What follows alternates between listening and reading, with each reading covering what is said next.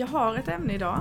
Men så Okej. tänker jag lite så också att jag ändå vill eh, ändå öppna dörren och säga Mm. är det någonting som eh, du eller hästarna eller individerna i din närhet liksom går och spinner på? Återkommande tema eller något sånt där Mm. som vi ska lyfta. Jo men det brukar väl ge sig självt liksom. Om det är något som behöver ut. Att då, då, då åker det in. Ja, ja. ja men det är bra. Det känns ju så.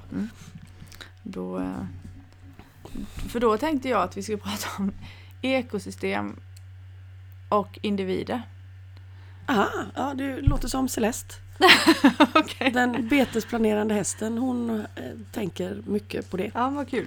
Det. Mm. Jag vet inte hur hon tänker så inte så att jag kan lämna redogörelse. men det är ju hennes, det var ju hennes eh, betestema förra året och hon fortsätter i år. Jag tror att hon Mhm. kommer att ha ett liknande, alltså det, att det kommer att fortsätta. Mm. Eh, individuella ekosystem har det handlat om för henne. Individuella ekosystem. Ja, alltså individen i denna hagen, vilket ekosystem skapas liksom kring denna individen? Vilket ekosystem gör sig den här individen bäst i? Ja, okej. Mm. För jag, eh, jag, jag tänker så här, om vi ska bara ha någon form av plattform att utgå ifrån. Mm. Vi lever alla i ekosystem och, och ehm, precis som, som Celeste säger då så finns det vissa ekosystem som passar vissa arter och kanske vissa Mm. individer då om man går ett steg längre. Mm. Eh, men det som jag egentligen till stor del tänker på är ju det här med att, att människan, att vi måste börja inse att vi är en del av planeten, av det här stora Mm. ekosystemet Mm. och de mindre ekosystemen. Mm. Och, och sen tänker jag också då, i och med att vi har um, djuren till viss del inhägnade eh, så påverkar det ekosystemen. Ja, ja, det är ett enormt störningsmoment Ja. egentligen. Och Så är det ju. Ja. Och, och då står man ju där som människa med, alltså för det första tänker jag att det, det, man, måste, det man måste inse att okej, mina val påverkar. Mhm. Alltså Mm. eh, om jag till exempel väljer att hänga in all mark och låta hästarna gå på det hela tiden, Mm. vilket vi har en ganska Alltså vi har en liten tendens att göra det därför att vi vill att de ska kunna röra sig på stora marker och kunna ha, alltså på något vis vill man Mm. ju inte ha staketet så då, då, tänker, då Mm. hamnar man lätt där. Och så i nästa stund då så tänker man okej men hur påverkar det alla andra individer Mhm. som också lever i det här ekosystemet? Mm. Så eh, mina tankar går ju mycket kring hur kan vi eh, göra det bra för så många som möjligt i ekosystemet utan att ehm, utan att eh, alltså det, det, hur, hur, ja, hur mycket blir på bekostnad av individen, hur mycket blir på bekostnad av ekosystemet och i nästa då om man vänder på det hur mycket gagnar vi varandra så det inte blir någon bekostnad alls kanske. Mm. Ja precis, att det inte blir någon bekostnad alls eh, är, känns ju sådär spontant svårt. Eh, Eftersom vi på något vis Vi strävar ju väldigt mycket ifrån eh, emot liksom det håll som naturen rör sig åt. Om man säger. Mm. Alltså sätter du upp ett staket så kommer det gå sönder. För att det, det är inte liksom en naturlig del. Det kommer att... Allting försöker ju på något sätt återgå till... Jag vet, Nastja, det här ryska stoet, eh, pratade häromdagen om att eh, naturen, naturens egen intelligens liksom, som på något sätt har utvecklats, den har överlevt väldigt mycket. Mm. Bara oddsen att det finns liv på den här lilla ärtan till planet liksom. Och att det envist upprepar sig. Som liksom, nej, men vi asfalterar men det kommer fan upp ett grässtrå liksom. Mm. Alltså det finns någonting i naturens förmåga att, att fortsätta existera. Eller i hela, då är ju inte naturen bara såklart det som vi tänker oss i form av park och odlingar och vilda djur. Men allt som lever liksom, har ju på något sätt en, någon slags anpassningsförmåga till att fortsätta leva. Och väldigt mycket strävar vi ju emot den ordningen genom att hela tiden avgränsa och dela upp. Liksom. Mm. Här ska det bara växa morötter, här ska det bara gå hästar. Eh, här är gränsen till grannen. Och så, ja, det, Jag tänker att det är väldigt svårt att föreställa sig att vi skulle kunna göra så utan att det alls finns någon kostnad. Mm. Är min första tanke när du säger så. Samtidigt är det ju tråkigt att säga så. Man skulle ju vilja tänka att jo, men det är klart att det går att göra så. Eh, att det inte är någon bekostnad och att det dessutom till och med tillför. Kanske gör det det, men, men, eh, men jag vet inte hur. Mm. Det är min ena tanke. Ja, den andra är att jag förstår ju att de betesplanerande hästarna här hemma som vet om det här gör ju så gott de kan med det de får. Liksom. Mm. Ja, ni har den här marken att förvalta eh, och med det, de begränsningarna som det innebär. Och det här är individerna. Liksom. Och då tänker jag att det finns väl något vettigt i att de tar de besluten och att inte vi gör det. Men det är Mm. fortfarande hagar. Liksom. Det är fortfarande en människoförvaltad hästflock. Mm. Så är det ju. Mm. Liksom. Det är ju inte optimalt. Nej, nej, precis. Det är inte optimalt. Mm. Och, och det, det finns något förmätet ibland tycker jag om att sträva efter perfektion men jag tycker också att, att vi behöver eh, inte efter perfektion men alltså hitta någonting hur gör vi det så bra som möjligt Mm. i den, när vi, när vi nu, alltså om man inser vilken begränsning man har lagt på individerna i ens omgivning då, då, då tycker jag att det är ens ansvar att försöka göra det så bra som möjligt. Mm. Men, för jag hade en, en tanke om man, om man hade lyckats eh, hitta ett ställe som är väldigt långt från alla andra människor och så hade man Mm. satt en typ hösilage-bal eh, där och sen så Mm. hade man inga staket. Mm. Eh, om det hade gått just med hästar, därför till exempel hönsen, de, de Mm. går ju inte jättelångt. Alltså jag tycker de går Mm. stort om man jämför med såklart hur höns lever i vanliga fall men, Mm. men de, de kommer De ju går hem på, på kvällen, kvällen. liksom. Ja, Ja. ja. Ja, så är det ju för oss med. Vi har ju inga djur på staket utom kor och hästar. Eh, Fåren är också lösa och getterna är också lösa. mm, Eh, Och eh, ja, anker, hundar, katter, ja, alla andra djurslag. Grisarna med. mm. Och de återvänder ju på kvällen. Mm. Så gör de. Mm. Alltså de, ja, okej, så Mm. alla de återvänder framförallt på kvällen då? Mm. Ja, det beror ju på. Ibland går de ju inte iväg alls. Nej. Men de, de strövar ju liksom och kommer tillbaka på kvällen allihopa. Ja. Mm. Jag har försökt leta hur stora områden hästar i vilt sträck, rör sig över. Mm. Och det enda jag fick fram var att de ungefär brukar röra sig 8 mil om dagen, vilket Mm. lät mycket. Mm, Men, men det förvånar mig inte Nej. om man tänker på hur många steg de tar runt, runt, runt i hagen. nej precis. Och frågan är och då... det skulle ju verkligen förklara varför de får så stark påverkan av, eh, av eh, instängdhet. Ja, eller hur? Mm. Men frågan är hur stort område som de här 8 milen eh, gås på. Alltså hur stor Mm, är eh, diametern? Och det har jag inte lyckats hitta. Nej. Eh, för det hade ju varit lite spännande. Då hade man börjat... Och det tänker jag, det är klart att det påverkas av ehm, tillgång till föda.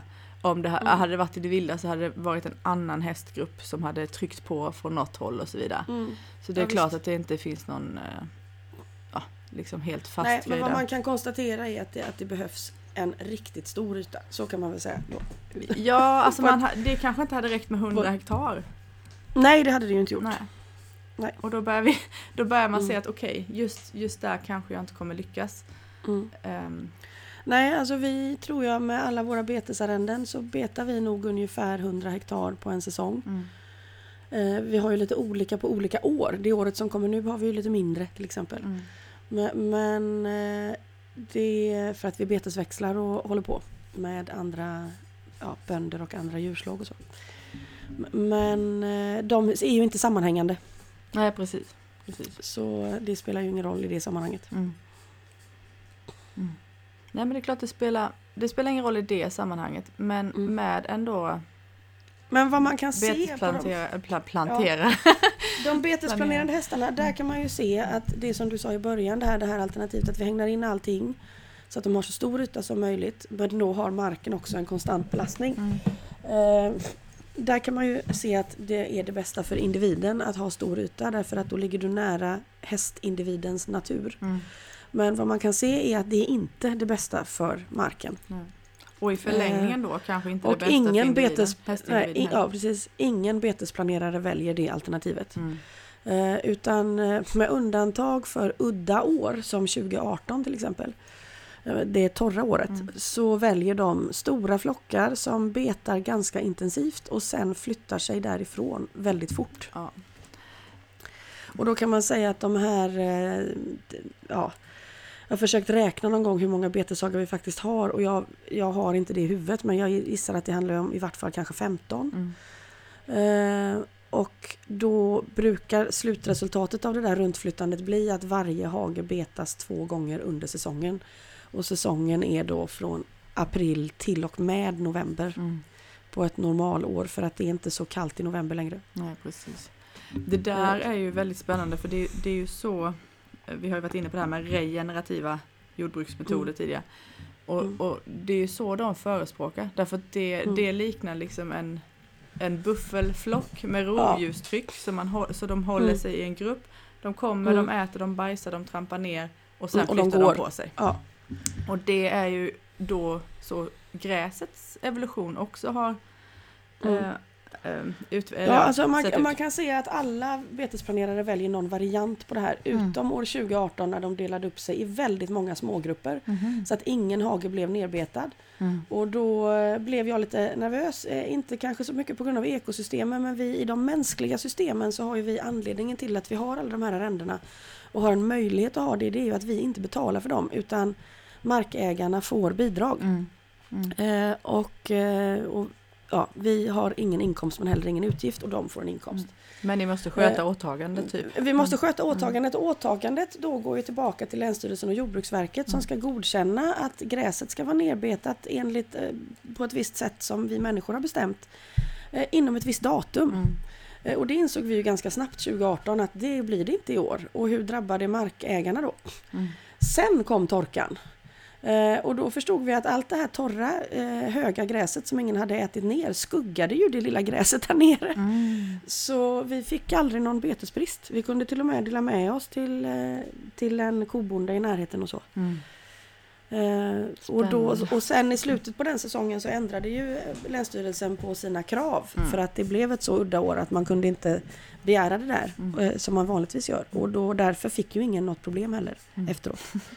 Så du menar att hästarna Mm. hade gjort den här planeringen långt innan, Ja, innan någon ja, förstod absolut. att det var torkår? Ja, ja, alltså innan vi förstod att det var Ja. torkår. Ja, ja, ja jag, tror att, jag tror att de ligger i vart fall i tre månader före med sin väderprognos. Mm.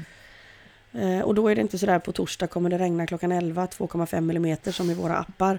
Men i stora sjok liksom. Mm. Alltså hur behöver vi tänka i förhållande till, eh, till de liksom dynamiska förändringarna runt oss. Mm. Det vet djur om de får chansen att fatta de besluten. Mm. Och det är väl därför som de inte, som ja, en älg, liksom, okej de, de tar skott och plantor och så, men då har ju vi gjort en onaturlig Ja, brukning av skogen. Exakt. Eh, Och det är klart att då hamnar de i en godisbutik liksom, Mm. och, och vi tycker att de förstör. Men, men de kan ju inte vara destruktiva för skogen i ett större perspektiv. Nej. Nej, det, nej, precis. Det är, ju, Mm. det är ju inte skog längre, det är ju ett plantage. Liksom. Ja, precis. två olika saker. Ja. Det, är- det är därför vi hängnar in våra köksträdgårdar. Liksom. Mm, mm. Det är inte en del Absolut. av just, just det vanliga ekosystemet. Nej, och, då, och, det, och det mejas ner av det naturliga ekosystemet. Ja. Kommer, det naturliga ekosystemet kommer direkt att ge sig på Ja. vår eh, monokultur. Liksom. Ja, precis. Ehm, vad har vi haft? Vi har Celeste Morad, va? Morad. Eh, Murjan. Murjan. Ja, och Murjan hade ju fokus på liksom mikro... Jag, nu kommer jag inte ihåg vad det hette. Jag var- Det var ju Ja, en, beta en- runt en, en sten och Ja. sådär va? Ja. ja, det handlade jättemycket om insekter. Mm. Att, att underlätta för insekter. Mhm. Eh, och någon slags mikrobiologisk, eh, mikrobiologiskt resonemang som jag inte förstod. Mm. Men eh, en elev i eran klass jobbar ju med sånt här och hon kunde förstå det då. Mm, mm, mm. Så, så han var väldigt in. Ja, där skulle de gå kvar längre i hagarna än vad flocken egentligen valde att göra. För att det skulle betas runt stenar och hållas öppet på platser som de vanligtvis inte gick på. Och det hade med insekter att göra. Mm. Ja, för där... Om, om man, nu, nu, nu kommer det ju... I min värld, eller i en mänsklig hjärna kanske, vad vet jag. Så ibland så, så blir det som att man ställer två saker mot varandra. Mm. Mm. Och hästens värld kanske inte alls ser ut så. Men vi får se vad de, vad, om, det, om det kommer någon association, associationsbana Mm. till det här. För det, det här som vi pratar om med den stora buffelflocken eller hästflocken som kommer in, äter under begränsad tid, bajsar, trampar ner. och flyttar Mm. på sig. Mm. Det är ju då väldigt bra för gräset och det, och det Mm. kommer och, och tror jag också för mikrolivet i jorden. Eh, och det blir liksom näringsrikt, det binder mycket kol, det, kan, det blir Mm. stor mullhalt och så vidare. Men det är ju inte en beskrivning av en äng till exempel. Nej. Som är näringsfattig, som har stor biologisk Mm. mångfald vad det gäller växterna och blommor och därmed de flygande insekterna till exempel. Mm. Mm. Ehm, har de, ja, Ja, och det verkar ju som att vad de då gör är att de beter sig olika i olika hagar. mm, Alltså vissa hagar ska lämnas, vissa ska hårdbetas. Eh, vissa ska vara mittemellan och så vidare och så vidare. De började med den första betesplaneraren var tussen som hade fokus på, som vi känner till, Mm. eh, som hade fokus på eh, den, sociala strukturen i hästflocken. Han var den första som satte ihop de här stora flockarna, att alla gick till Sigvard på våren. Liksom. mm, Eh, för det är ju jobbigare för oss, allt det här flyttandet är ju jobbigare för oss. Först ska liksom alla 60 ner till Sigvard och så betar de färdigt på tre veckor. Då ska alla därifrån. eh, jämfört med om man hade tagit dit 10 stycken och haft dem där hela sommaren hade det varit jävligt liksom soft. Eh, så det är klart att vi hade ju inte tänkt så för att det hade inte verkat praktiskt. Och sen ska vi liksom, eh, ja vi ska hitta vägar att gå som håller liksom och Mm. markägare som är okej med att det passerar hästar. Det är ju alltid något Mm. liksom. mm. Eh, man ska gå med hästar som är mer eller mindre ohanterliga. Man är ju, har ju ont i magen i två dagar innan liksom. Eh, men eh, så gjorde han. Han satte ihop det där och vi såg att det hade en enorm påverkan på hästarna som individer. Mm. Sen kom Sander som hade fokus på någon aspekt av hästens relation till marken och då handlade det i princip bara om det du sa där, mull och gräs liksom. Mm. Eh, sen kom Mindy som hade fokus på individuell hälsa. Och då fick vi väldigt många bra system för, eh, för fånghästar och så till exempel. Eh, och, med, och det är lite som när vi pratar om Ninos hovskola där, men hur ska man sätta ihop allt det här? Jo men därför att det uppstår situationer där den ena eller andra kunskapen behövs liksom. Att eh, hennes eh, strategi med fångkänsliga, alltså sådana som ligger åt fånghållet, jag tänker att fång är ett jättestort begrepp Mm. pratade med en människa om det för några dagar sedan att man kanske hellre ska kalla det för sjukdomar inom liksom ämnesomsättningsspektrat Mm. eh, Mm. eh, för att verkligen vara lite mer korrekt där. Men, Men jag bara en parentes där med, Mm. eftersom det är aktuellt här Mm. hemma. Men Mm. eh, men tydligen mellan 80 och 90 procent av alla fång, hästar som får ett Mm. fånganfall har eh, PPID som är en hypotyros, eh, eller ja, mm, och som ju är stressrelaterad Ja, i- i botten. ja.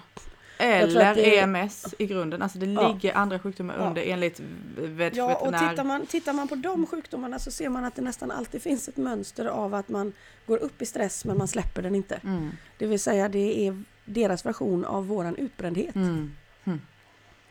Eh, och det är ju intressant. Mm. Då kanske inte alltid svält är lösningen heller. Nej, det, nej, Men- eller hur? Eh, Men, men eh, vad heter det? Vad hon gjorde med de här var att tidigt på vad det gällde bete då. Att tidigt på våren när det knappt har börjat växa då ska de här stackarna ut. Liksom. Mm. Eh, inte för att hårdbanta men för att de ska vara tvungna att röra sig i en mycket större utsträckning än vad de får i sig näring. Mm. Eh, så att några av dem går ju ner i vikt på ett sätt som, som kanske inte riktigt hade ansetts vara okej. Men då har de, när gräset sen börjar växa, då löser de det. Mm. För att då har de, eh, då, har, då står de på den rutan där de behöver vara Mm. när det kommer mat. Liksom. Mm. Vi, Så vi har ju Ja. fått ner eh, fångproblematiken enormt med hennes strategi. Ja det är Så är väldigt häftigt. Och, men, och Mm. där, för där, det, jag tycker det illustrerar ganska bra den, den här problematiken av att eh, Okej vi sätter dem... Vilket ju då är, förlåt men det Ja. här är ju inte riktigt samma sak som att banta. Banta skulle vara att du tar bort all mat, hästen har, inget val, har ingen valmöjlighet, upplever en stor passivitet och stress över att vara hungrig. Eh, och är, kan inte heller styra liksom. och kommer här få det- magsår eftersom de inte har Ja. någon gallblåsa. Och, Ja precis. Här är det ju att man släpper ut ett fåtal hästar på en väldigt stor yta så Mm. att de får i sig mängden mat. Ja. Mm. Mängden mat finns men den är på en väldigt stor yta. Det är Mm. det som är poängen här, måste man poängtera. Ja. Eh, Så att de går mellan varje strå. Sen finns det tillräckligt många strån men det går inte att få dem genom att stå still. Liksom. Nej. Så vi använder ju inte heller några munkorgar eller andra begränsningar som skulle kunna öka frustrationen i att jag får inte i mig det hur jag än liksom kämpar. Utan att det är mera, vi, vi toppar rörelsen. Liksom. Mm. Alltså vi ska det, typ, Och det var Mindys, ta- det var eh, Eh, det, ja, och mycket annat tillförde hon. Men hon, det systemet följer vi oavsett de ö- alltså övriga betesplaneringsidéer. Då. Mm. Alltså det är så mycket nu, vi, vi bara pratar i mun på varandra.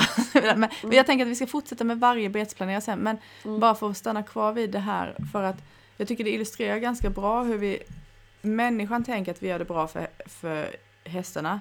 Vi har oftast ett väldigt näringsrikt foder, för det är det som Mm. står om man, om man gör en liksom eh, Om man gör en analys ja. Äh, man, man, Det- precis, man gör en ja. analys och sen gör man en, eh, en, en foderstat enligt konstens alla regler. Mm. Eh, ja, det gör ju inte vi. nej, nej Mm. det, det, men, men alltså bara som en illustration av att Mm. om man, det här som vi har pratat om också, idéer om vad som är en bra hästägare. Mm. Ehm, men till exempel så tänker jag, alltså det är klart att, att uh, foderstarter också utgår ifrån hur mycket hästar rör sig och så vidare. Men, men ibland så tar man till exempel inte hänsyn till att, att hästen går i en stor hage och att det faktiskt finns ganska mycket protein till exempel i ett gräs Mm. under hela året. Och så vidare. Man tar ju inte heller någon hänsyn till vad hästen är kapabel att ta upp. Nej, nej precis, Nej. eller hur? Eh, och det Mm. ställer ju till det. Och sen är alltså för oss som har så många så blir det ju väldigt relevant med ett foder som ligger lågt i näringsvärde. Ja. Eh, för att de behöver kunna äta i en obegränsad mängd för att hålla värmen. Mm. Och då är det lättare, även om det är mycket dyrare att göra så. Ur hälsosynpunkt så är det mycket lättare att göra så och då tillföra stödfoder för de som det inte räcker för. Mm. Och sen är det ju också, alltså 16 till 19 timmar ha- har Mm. de ju som ätfönster. Mm. Och ska det man äta ju under så lång tid med någonting som är så mycket mer koncentrerat än de här Mm. grässtråna som man får gå mellan, då måste det ju vara näringsfattigt. Alltså på något vis Mm. säger det sig självt. Mm. Eh, sen är det klart att det finns specifika fall då som du säger om det är ett dräktigt sto eller ett föl Mm.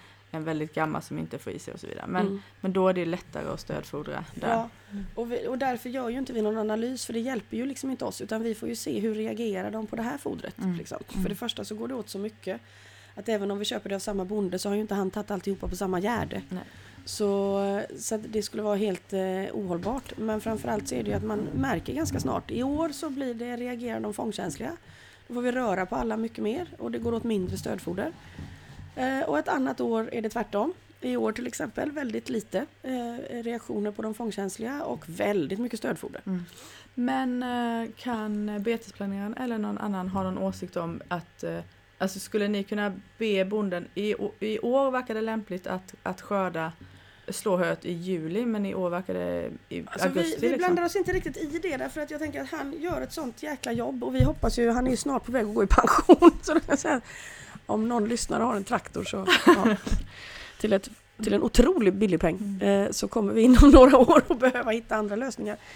Men jag tror att, alltså han, jag tror att han har hittat ett system Mm. eh, som är, fungerar för honom. Mm. Apropå det ska fungera för alla. Mm.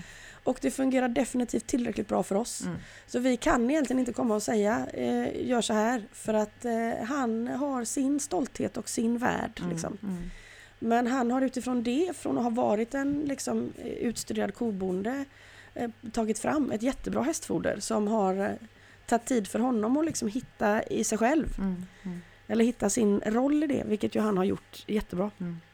Så vi lägger oss inte i där. Av de skälen, men Mm. också för att det har inte, vi har inte upplevt att det behövs. Men oavsett så tar han bara en skörd Mm. och den tar han sent. Mm. Så hade han tagit två skördar och fått en tidig eller en jättekraftig eh, efter, liksom andra Ja, skörd då, ja. då hade vi nog behövt ha den diskussionen som du säger. Mm. Men, men eftersom han inte gör det så har det faktiskt inte varit aktuellt. Nej. Och det, det, men jag tänker för de som lyssnar att bara veta en sån sak som en sen skörd och en skörd Mm. skulle kunna vara någonting att, att börja testa. Nu är det Mm. ju, fattar jag ju också att det är inte alla som tar sitt eget hö, tvärtom. Mm. Men, eh, men man kan ju ställa frågor till den man köper. Mm. Ja, eller att man liksom på något sätt den här idén om att man vill ha ett så näringsrikt, så bra värden som möjligt är i, i förhållande till, det måste ju stå i proportion till hästens livsstil. Ja. Liksom. Och där, det är klart vi ska förtydliga där också att när vi, när Mm. vi säger näringsrikt så pratar vi om protein och kolhydrater. Och det är Ja, självklart ja, att mineraler och Mm. vitaminer ska Mm. vara up to, to speed Mm. i, den, i den mån det går. Mm. Liksom. Men där är det också skillnad om man går på stora marker och man kan äta Ja. lite bark och man kan skrapa i jorden och så Mm. vidare. Absolut. Kontra om man går en grushage och en box. Mm. Liksom. Mm. Eh, vi var på Mindy. Kommer du ihåg vem som verkade? Eh, ja, eh, ja eh, efter Mindy var det Murjan som hade den här eh, mikrobiologin. Mm. Eh, och sen har det varit Celeste där hon på något sätt sätter ihop det här med individen och ekosystemet. Alltså din fråga egentligen. Mm. Och det verkar vi ju ha i år också. Och jag vet att hon har liksom börjat att pytsa ut lite idéer om att vi ska börja skicka ut väldigt små grupper åt lite olika håll först. Och sen, ja, vad hon vill med det. Men jag tror att hon tänker att skjutsa ut just de, eh, de som behöver det för hjälp med sin ämnesomsättning. De kommer nog att åka ut rätt tidigt. Mm. Alltså- Men kanske inte alla till samma hage. eh, Utan det- ja, vi, jag tänker jag ska prata med henne snart. Det är ju en månad kvar ungefär. Kan Och, hon ja. säga redan nu, alltså, kan du säga så här varför? Till exempel 2018, kan du säga så här varför gör vi så här i år? Och de kan säga det nej, nej. Nej. Men vi frågar ju alltid. De, de, de, de som är bäst på väder som vi uppfattar är Foxy och eh, vad heter han, Dröjmur. Mm. Eh, och de brukar själva lämna en rapport. Eh, men hör vi ingenting och blir oroliga så brukar vi fråga dem. Liksom, Mm. Vad tror du om våren nu eller vintern? Eller, ja. Eh, och då brukar de ge en slags schematisk överblicksbild då på om det blir en lång kyla eller en blandat eller mycket regn. Eller, ja. Mm. Är du benägen då att liksom lägga ihop betesplanering med väderprognosen om man säger?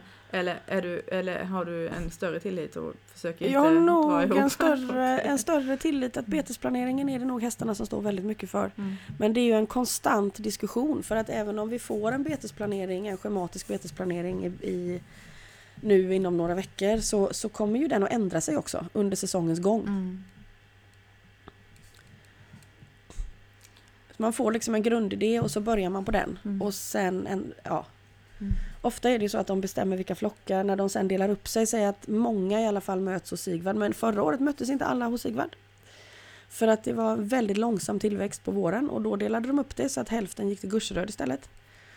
Eh, och de möttes egentligen aldrig i en stor grupp förrän bara några veckor på hösten på Gurseröd. Det var ju nytt för förra året. Mm. Alltså, eh, det, man blir liksom lite inspirerad och, och eh, sugen på att se om det finns en betsplanerare i den egna flocken. Jag tänker att det är de som Mm. Det lyssnar gör också det säkert. Men, då, Det gör det men vi säkert. har ju Alltså, heller inte finns samma, där finns ju inte förutsättningar heller. Det är inte lika många hästar, det är inte lika mycket mark. Hur, Det är inte lika mycket som måste planeras men det finns Nej. säkert någon som har en idé om om, eh, alltså det finns ju ändå ett, ett kreativt utrymme. Det finns Ja. det ju alltid i någon mån överallt. ja. ja, man får ju försöka prov, fråga helt enkelt. Mm. För, det, för där ibland, ja. Ah, det, jag tycker det är svårt. Alltså för Mm. då, då kommer... Det är svårt för sen har, vi ju, sen har vi ju andra faktorer då och det är just att Sen behöver ju vi, i och med att det handlar om så många individer, då kan det ju vara att jo men nu är det läge att byta här eller nu är det, nu händer detta. Mm. Men då måste vi också få ihop liksom, kanske 20 personer som ska kunna hjälpa till på en Mm. betesflytt. Mm. Som ska kunna samma dag och klara att hantera just de hästarna. Vissa flockar är inte lätta att flytta på. Det kan vi ju bara... Vet du, vi hade en betesflytt, jag var så imponerad. Det var i höstas. Det var många betesflyttar på hösten som var spännande men en, då skulle vi gå en ny väg för vi behövde hitta en annan väg över skogen. För att det har gjorts ett litet naturreservat och det är väldigt positivt. Men då behövde vi hitta en väg runt det. Eh, och, och det gjorde vi faktiskt. Eh, Sara gjorde det. Jäklar vilken väg hon hittade. Den var ju vacker och så men den, ja. den har ju tagit terrängridning till en ny nivå så kan vi säga. Eh, och, men samtidigt Det är en lite av de- Saras grej tror jag. Ja det är det. Och det är en av de bästa vägar som, som vi har haft. Wow. Och bra markägare och så. Mm. Men ett äventyr och då kom ju det värsta höstvädret som vi har haft tror jag på någon promenad och då hade vi hela den här ja, Fölgruppen, Amaros grupp, alla de här högenergiska Corona, ja de här som knappt går och ja, man får springa med och så det här vädret som Ja det var svårbeskrivligt, du vet så här snöblandat regn med storm, liksom, Mm. riktiga stormbyar. Och de gjorde det liksom. Alltså Mm. vissa hästar, några tappade sina hästar, de hittade dem igen. De fick liksom hoppa över saker, sjönk ner i grejer, klarade det. Ja, det var så här. Uff. ja, Mm. det, det var väldigt eh, spännande att se hur mycket kapacitet det fanns i alla som var med där. Mm. Mm. Men så kan det gå till liksom. Mm. Ja precis, det, det, är inte, Så- det är inte lättvindigt ni gör detta. Nej, så det är inte bara att nu är det läge för denna flocken att vara där istället. Ja, okej, lös det liksom. Mm, mm. Det är väldigt få som är kapabla att åka transport. Några är det, men eh, det är ju inte flertalet som löser en transport. Alltså nu, Man måste ju komma ihåg att de bor här för att alla skulle ha varit, i princip alla skulle ha varit avlivade för att de inte går att hantera. Liksom. mm, mm. Så att det är ju inte riktigt eh, som hästar man kanske är van vid i reaktionsförmåga och så. Mm. Det, det ska man lite ha i bakhuvudet när man hör, hör det berättas. Då, fan, ja. Ja. Varför ställde ni frågan från början? Ja. Men jag, tycker jag har ju inte varit med på, på andra betesflyttar än de vi har gjort under kurserna. Mm. Men det, Mm. det finns ju någonting, det är ju verkligen en upplevelse att, att vara ute så många eh, individer, både hästar och människor i, eh, alltså på, om man ska ta sig från A till B. Mm. Det är ju en upplevelse i sig alltså. Ja, det är det. Det är det. Jag vet ni hade två sådana tror jag förra året. Eh, och där tror jag hästarna också valde att lägga in, använda det som material för en övning. Mm. Bara för att det finns redan ett flöde liksom. Mm. Och, och det var ju en väldigt bra idé. Mm. Eh, för att just den där Jag tänker också vad det gäller att uppleva saker som ligger närmare naturens kärna på något sätt. Så är det ju så de hade gjort även utan oss. De hade kanske inte gjort det exakt den dagen på det sättet och tagit den vägen. men, men, eh, men idén ändå, Mm. att alla flyttar som en enhet och den där känslan när man sen släpper ut dem på nästa bete Mm. är ju väldigt speciell. Mm, ja, verkligen. Och det är också heller inga, alltså det är inga konstigheter på något vis för ett föl till exempel. Nu går, Nej. nu går ju alla, det är klart att jag går med och sen att någon Mm. råkar hålla mig i ett rep här bara för att det är en väg där eller så. Det är ju inte, det är det är en, en liten parameter i det stora hela då. Ja precis, Vi, absolut. De hästarna som gör sin inridning här eller gör sin ominridning här, de gör ju ofta att de bär första gången. Liksom. Ja, Förutom det att man tränar på det här med att hänga och flytta vikt och ja, Mm. den grunden. Mm, Men när man bär i rörelse, det brukar vara på betesflyttar. mm. För att, då är det, för att då sker det ändå. Det blir Mm. inget extra. Liksom. Nej. Nej, det, nej, det är väldigt spännande dynamik Mm. som uppstår där som, som kanske inte är så lätt eh, eh, att, att skapa eh, ja, i alla sammanhang. Då. Nej, jag tror Mm. inte det. För att en vanlig ridtur skulle aldrig se ut så. Vi Nej. hade inte varit så många. Och syftet hade varit vad som händer under ridturen. Syftet hade inte varit att komma fram. Liksom. Nej, nej, precis. Eh, Så det blir ju skillnad på en vanlig turridning om man hade varit en så stor grupp. Mm. För där är ändå upplevelsen ridturen. Mm, Men här är ju uppgiften att ta sig fram mm, till nästa mål. Liksom. Mm. Och det, det händer någonting också med självkänslan då. När man faktiskt eh, kommer fram sen. mm, I bästa fall då. mm. Men ja, det fick mig att tänka på något som Santos uttryckte. Ehm, för han, han, han är rätt så benägen att vilja vara ute på promenad och liksom uppleva saker. Men ibland så kan det bli alldeles för mycket för honom. Då, då kan han Mm. inte lämna gården. Och, Mm, bli, och precis. bli jättestressad Mm. i flera dagar över att vi, Mm. vi tänkte att vi skulle göra det. Mm. Men så vid ett tillfälle så ja, vi har köpt lite mer eh, vall som kanske föranleder den här dis- diskussionen. Hur, hur, Mm. hur gör man liksom? Eh, Mm. och så hade jag en kompis här som sa vi, vi måste ju, det vore kul att visa detta liksom. Vi vill se om det är någon Mm. som ska hänga med. Och då, då var han ju där direkt och stod vid grinden. Liksom. Okej, det, finns en, Mm. det finns en möjlighet för upplevelse här men det har egentligen inte Mm. med mig att göra. Mm, jag förstår Ehm, precis. Och det Det blir ingen ingen prestationsångest. Liksom. överhuvudtaget Mm. alltså. Um, och det var ganska, det är ganska det var ganska belysande liksom att se okej hur kan vi erbjuda det eh, Mm.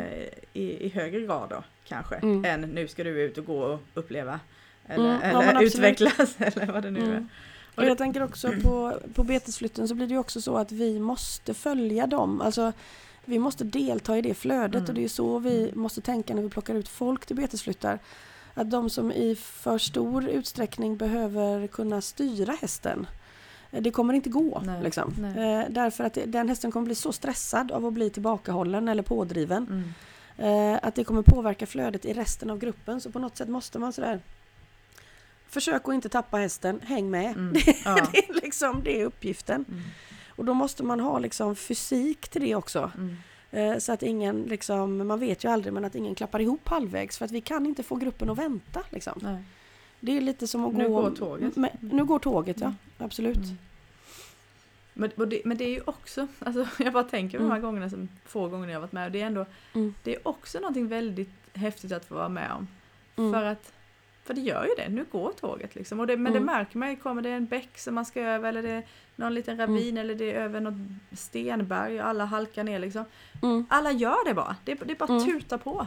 Mm. Eh, Precis. det är klart att det kan finnas en tvekan då men det, det finns ju också en extrem både push och pull i det. Mm. Eh, Ja det gör det, eh, absolut. Som, där inte människan kanske behöver vara med, eller ja, hon är ju Ja. med till viss del och behöver vara med fattar jag, deltagandet. Men, men Mm. inte som en ytterligare push eller pull. om Man säger Nej. så. Och det intressanta är ju också det att det är väldigt många hästar som egentligen Alltså det finns ju hästar här som vi såklart har förstått genom podden och allt vi har pratat om som gör saker med oss på en vardaglig basis. Eh, ridning eller någon annan hantering, alltså något, något interagerande med oss. Men väldigt, alltså merparten gör ju inte det. Mm. Utan de hanteras vid verkning och betesflytt. Mm. Liksom. Mm. Eller om de behöver någon vård. Mm. Eh, Så många av dem är ju liksom ohanterade emellan gångerna. Mm. Eh, Och då är det spännande att det, ja, man får hålla i hatten och vara med i matchen. Men det, det fungerar ändå. Liksom. Det är väldigt intressant. Mm. Annars skulle man ju kunna tänka sig idén om att en häst som ingen har rört på flera månader nu ska gå en fyra timmar lång promenad. eh, hur ska det gå? Det går bra. Mm. Men kanske inte om du hade tagit ut hästen själv och tänkt dig Nej, att det hade skulle aldrig gått. Nej. Och den ber heller aldrig om det. Nej, Mm. Eh, nej. Nu, nu fick också jag tänka mig, vem, vem var det? Vad heter, eh, vad heter hon nu? Är det Lunas? Luna ja. Ambes eh, dotter? Nej. Eh, nej, Meja. Meja. Mm. Ehm, bara för att jag, jag får, jag får dra för mina egna erfarenheter. Mm. Ehm, Mm. Ja, för vi hade två stycken och jag gick ju med henne båda då. Mm. Och att, nu vet inte jag, hon är ju så ung, hon är väl bara ett år va? Ja, hon är två nu. Ja, så, ja, så Mm. då var hon typ ett. Ja. Jag antar att ni inte gör jättemycket med henne emellan. Nej, För det hon var ju dyker också... upp ibland när det är något hon vill. Hon tycker Ja. grimskaft är roliga. Ja. Hon har liksom, även när hon var väldigt liten ville hon ha ett grimskaft när hon var på betesflyttar. Mhm. Även som föl. Mhm. När hon kunde vara varit lös Mm. egentligen. Men hon ville, det var jättespännande att hålla en människa i ett snöre. Hon tänker tvärtom. det var... Ja. För, det var, för mellan de två gångerna så var det väldigt Mm. stor skillnad på eh, henne. ja, Alltså, och då är ju man- inte hon, det kan jag Mm. säga direkt att hon inte har varit speciellt hanterad emellan det. För det har ju varit under betessäsongen då. Ja, alltså vi har släppt ut henne och sen kommer nästa Ja, betesflytt. ja. Hon har inte gjort något emellan, det är kanske en verkning då. Mm. Ja, ja, eller så hade hon gjort väldigt mycket själv, jag vet inte. Mm. Eller så hände det någonting just i betesflytten som sen märks i nästa det. betesflytt. Mm. Mm. Jag, jag tror det, Mm. att det händer så pass mycket att, lite som du sa med Santos där också, att vi tänker ju oftast att upprepning är lösning på stress. Alltså rider jag oftare så blir hästen mindre het och så. Det kan vara så för vissa, eh, men det kan definitivt vara tvärtom för vissa andra. Mm. Att ju mer du matar på av upplevelser, ju fullare blir det. Liksom, och hinner det inte rinna undan i sållet så, så, så blir det ju en jättehög stressnivå till slut. Mm. Och just unghästarna märker vi att när de är med om något stort, liksom, som kanske en längre betesflytt eller någonting som är nytt eller banbrytande för dem, så ser inte vi dem på ganska många månader sedan Nej, egentligen. Alltså då. För de ägnar sig åt, och även de mest om man säger Savanna som är jättepositiv. Mm. Eh, när det händer spännande saker så säger hon också tack men nej, nej tack, ja, det här ska jag smälta nu. Mm. Mm. Ja det där, Så- alltså den, ja. det, det tidsperspektivet tror jag väldigt få har när det gäller hästar. Hur lång Ja, tid ja. så det tar att smälta saker och ting. Mm, det tror jag också. Och jag tror att anledningen till att vi utforskar det här är att vi ska inte någonstans med det. Eh, och vi, vi svarar inte upp mot någon annan och de är inte här på inridning till exempel. Eh, och de är så många att vårt behov av att ja men snälla kan du inte gå ut idag för det var så kul sist. Då finns det ju någon annan som är där. Ja, så ja, det precis. finns ju alltid någon som har tid med oss. Liksom. Mm. Ja, ja, Så- precis. Man, det, man behöver inte lägga pressen på lättare. någon enskild Nej. individ. Liksom. Då blir det ju lättare att stå tillbaka med det som är ens egen längtan också för att Mm. det måste inte vara samma individ som plockar upp den hela tiden. Nej. Jag tror det där som du sa med att alltså när, man, när man lägger olika stimuli på varandra. Jag tror det kallas trigger stacking om man vill Aha, det var på det. Ja. Ja, det säger liksom... Och sen, Jag visste faktiskt inte att det fanns ett ord. Det var jo, bra. ja, men det, jo, det Mm. gör det. Och då, då, tycker man liksom, ja, va? Varför exploderar du nu liksom? Jo men, Ja. jaha, det, trycker, det det, där- är fullt liksom. Mm. Ja, och det verkar ju i synnerhet gälla individer i det signalerande spektrat. Alltså Mm. de som har som jobb att ta in intryck. Att de blir inte lugnare av att man maxar mängden intryck Nej. och fortsätter trycka på innan det förra är smält. Mm. Eh, nej, och hur... ja, men Jag tänker på de signalerande, har inte de också oftast ett, liksom ett ganska direkt utlopp? Det kom, Ja, det har de. och, och om det då broms, alltså om det inte får utlopp, då bygger blir det ju det på en- klart. Ja, då, då trycker du på. Mm.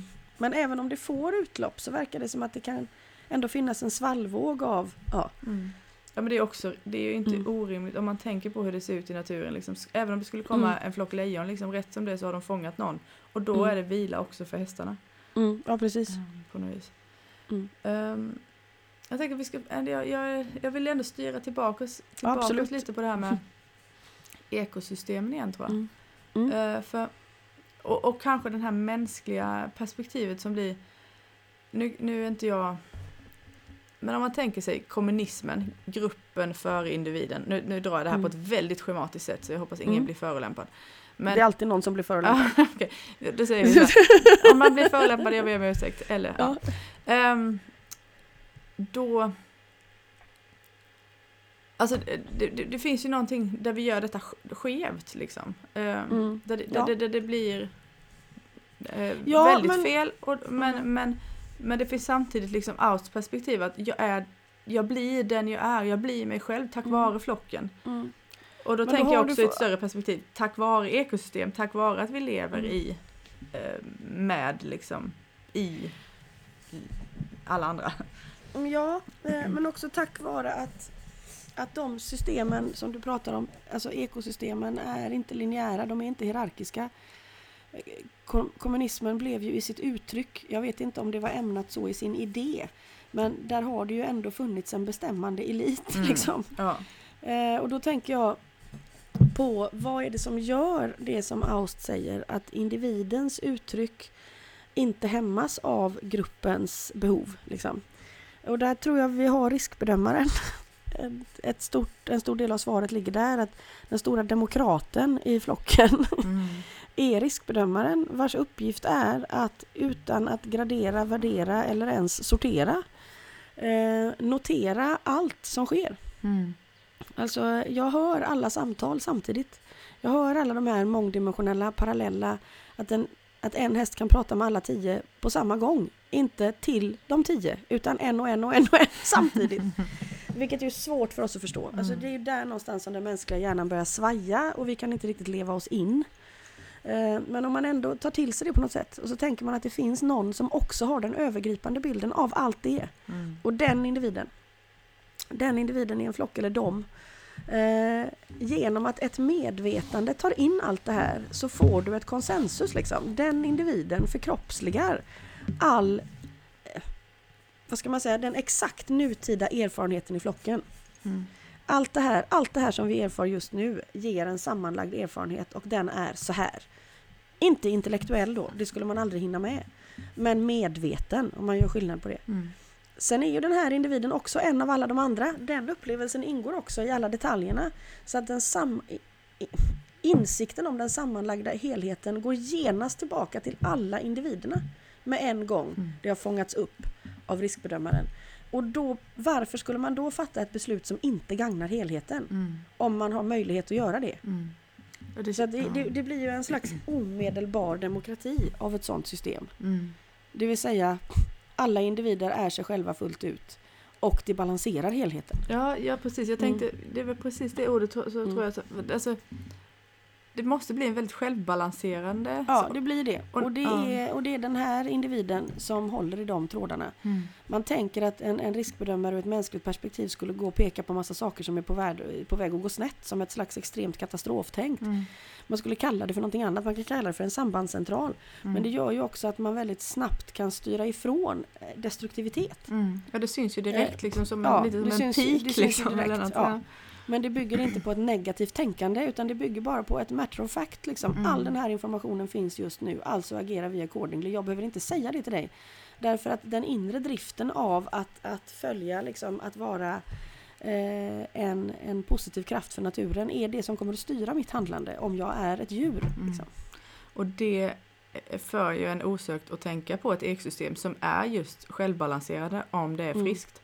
Alltså Ja, så, exakt. så, så det, det är ju ja, Och då kan det ju hända att våra, våra olika politiska idéer och till viss del religiösa idéer är kanske våra försök att hitta det här i människoflocken. Liksom. mm, Eh, men vi, vi behåller hierarkin ja, och då blir det ett väldigt långsamt system. Liksom. mm. Mm. Därför att alla måste komma överens. Liksom. Eh, och här är man ju redan överens innan. Mm. ja. Mm.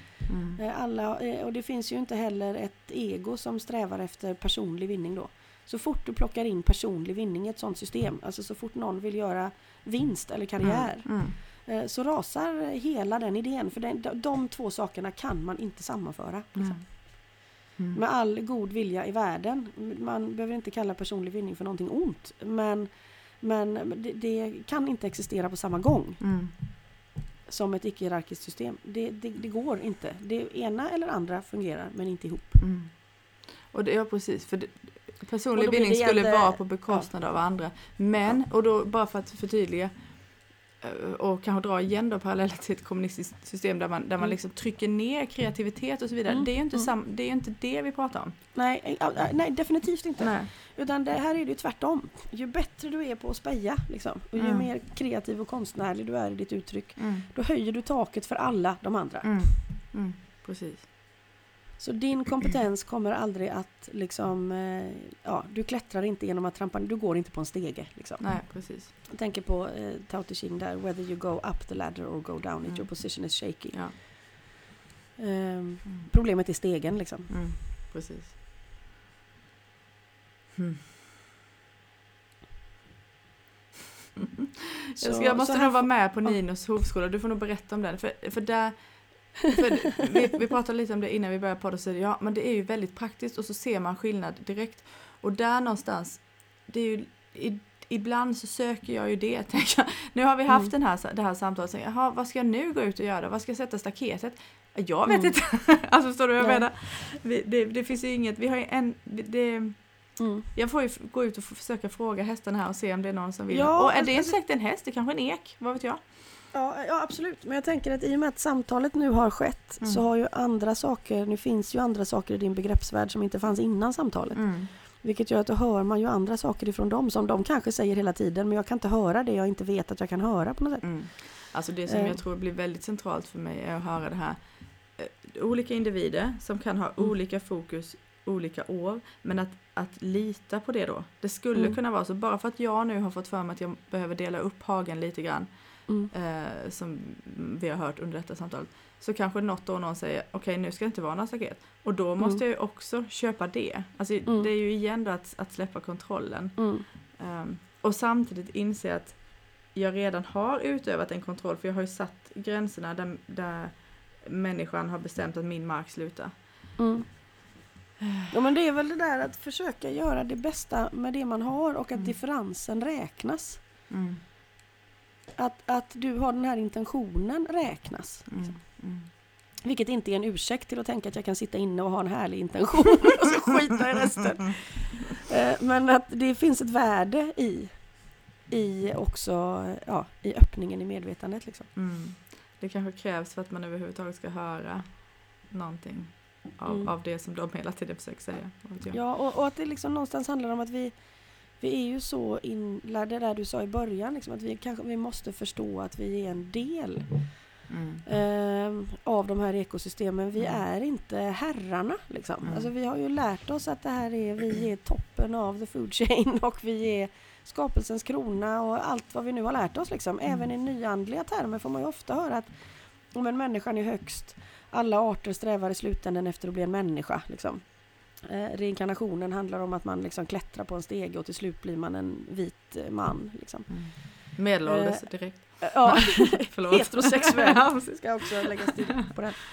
Så, så ja, N- någonstans så... Vi har inget emot medel, me- medelålders vita heterosexuella män. Nej, per nej, se. Alltså, nå- nå- ja, nå- någonstans så tar vi med oss det där in i det som vi tycker är mer moderna.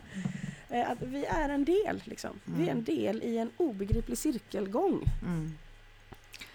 Och, och ja, ju, någonstans, vi måste klättra ner ifrån att det, vi är inte, vi är deltagare liksom. Mm. Jonna Bornemark som du eh, har koll på. Ja, det har jag inte koll på men jag har, det, det jag har läst tycker jag är jättespännande.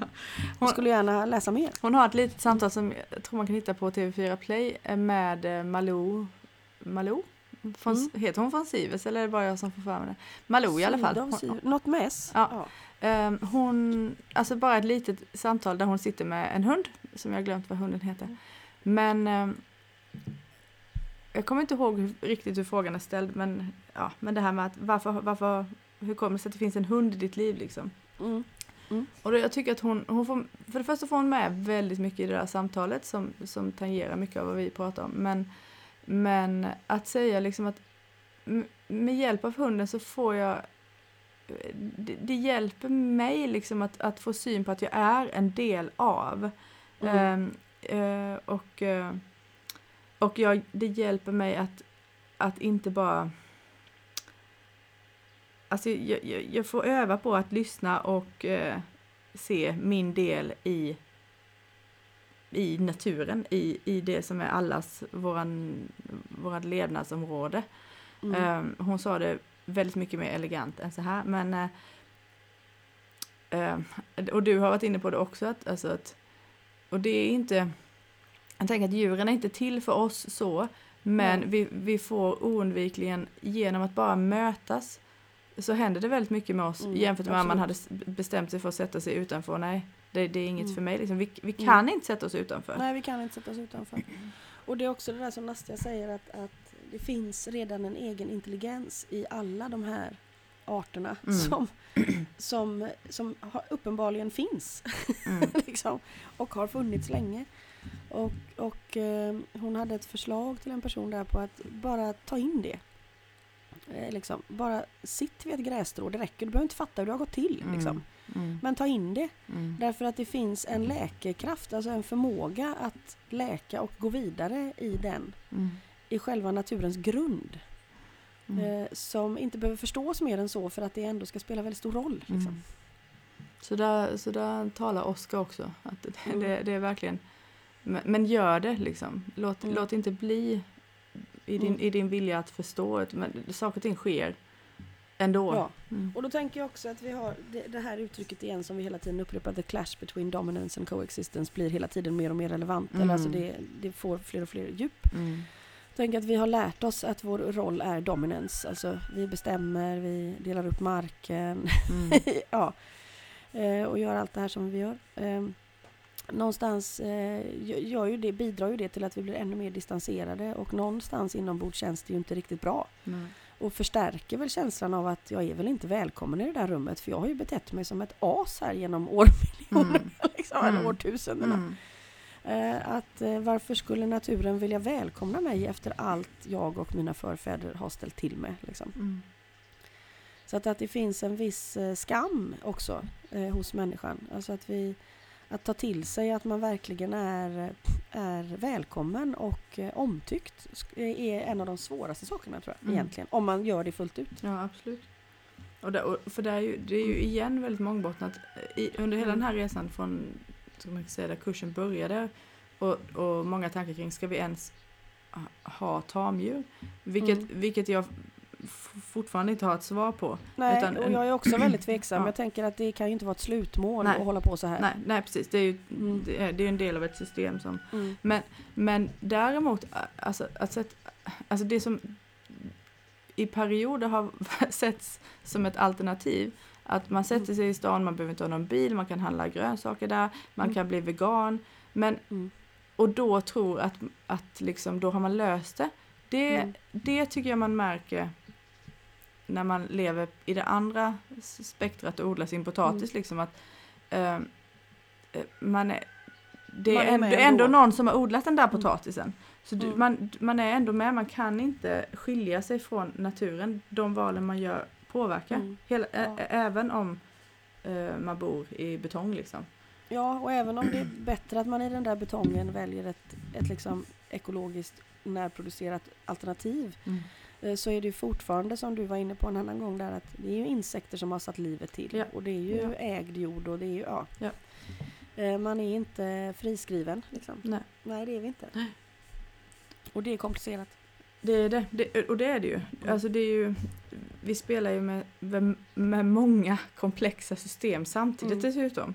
Alltså Mm. det, det, och, och det är klart att kan man hitta det här som vi har varit inne på under samtalet, tilliten till att någon eh, ser Mm. någonting som vi själva då missar. Mm. ehm, då blir det kanske lättare att hantera den komplexiteten. Ja.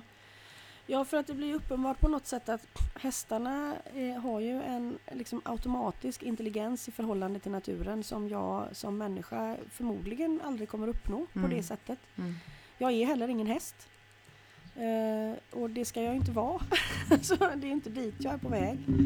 Eh, men att det är klart att, att följa det de vet vore ju mycket smartare än att göra tvärtom. Framför allt om det handlar om hur de ska ha det, eller hur? Ja, eller hur? Ja. Och sen är det ju då, hur ska det omsättas?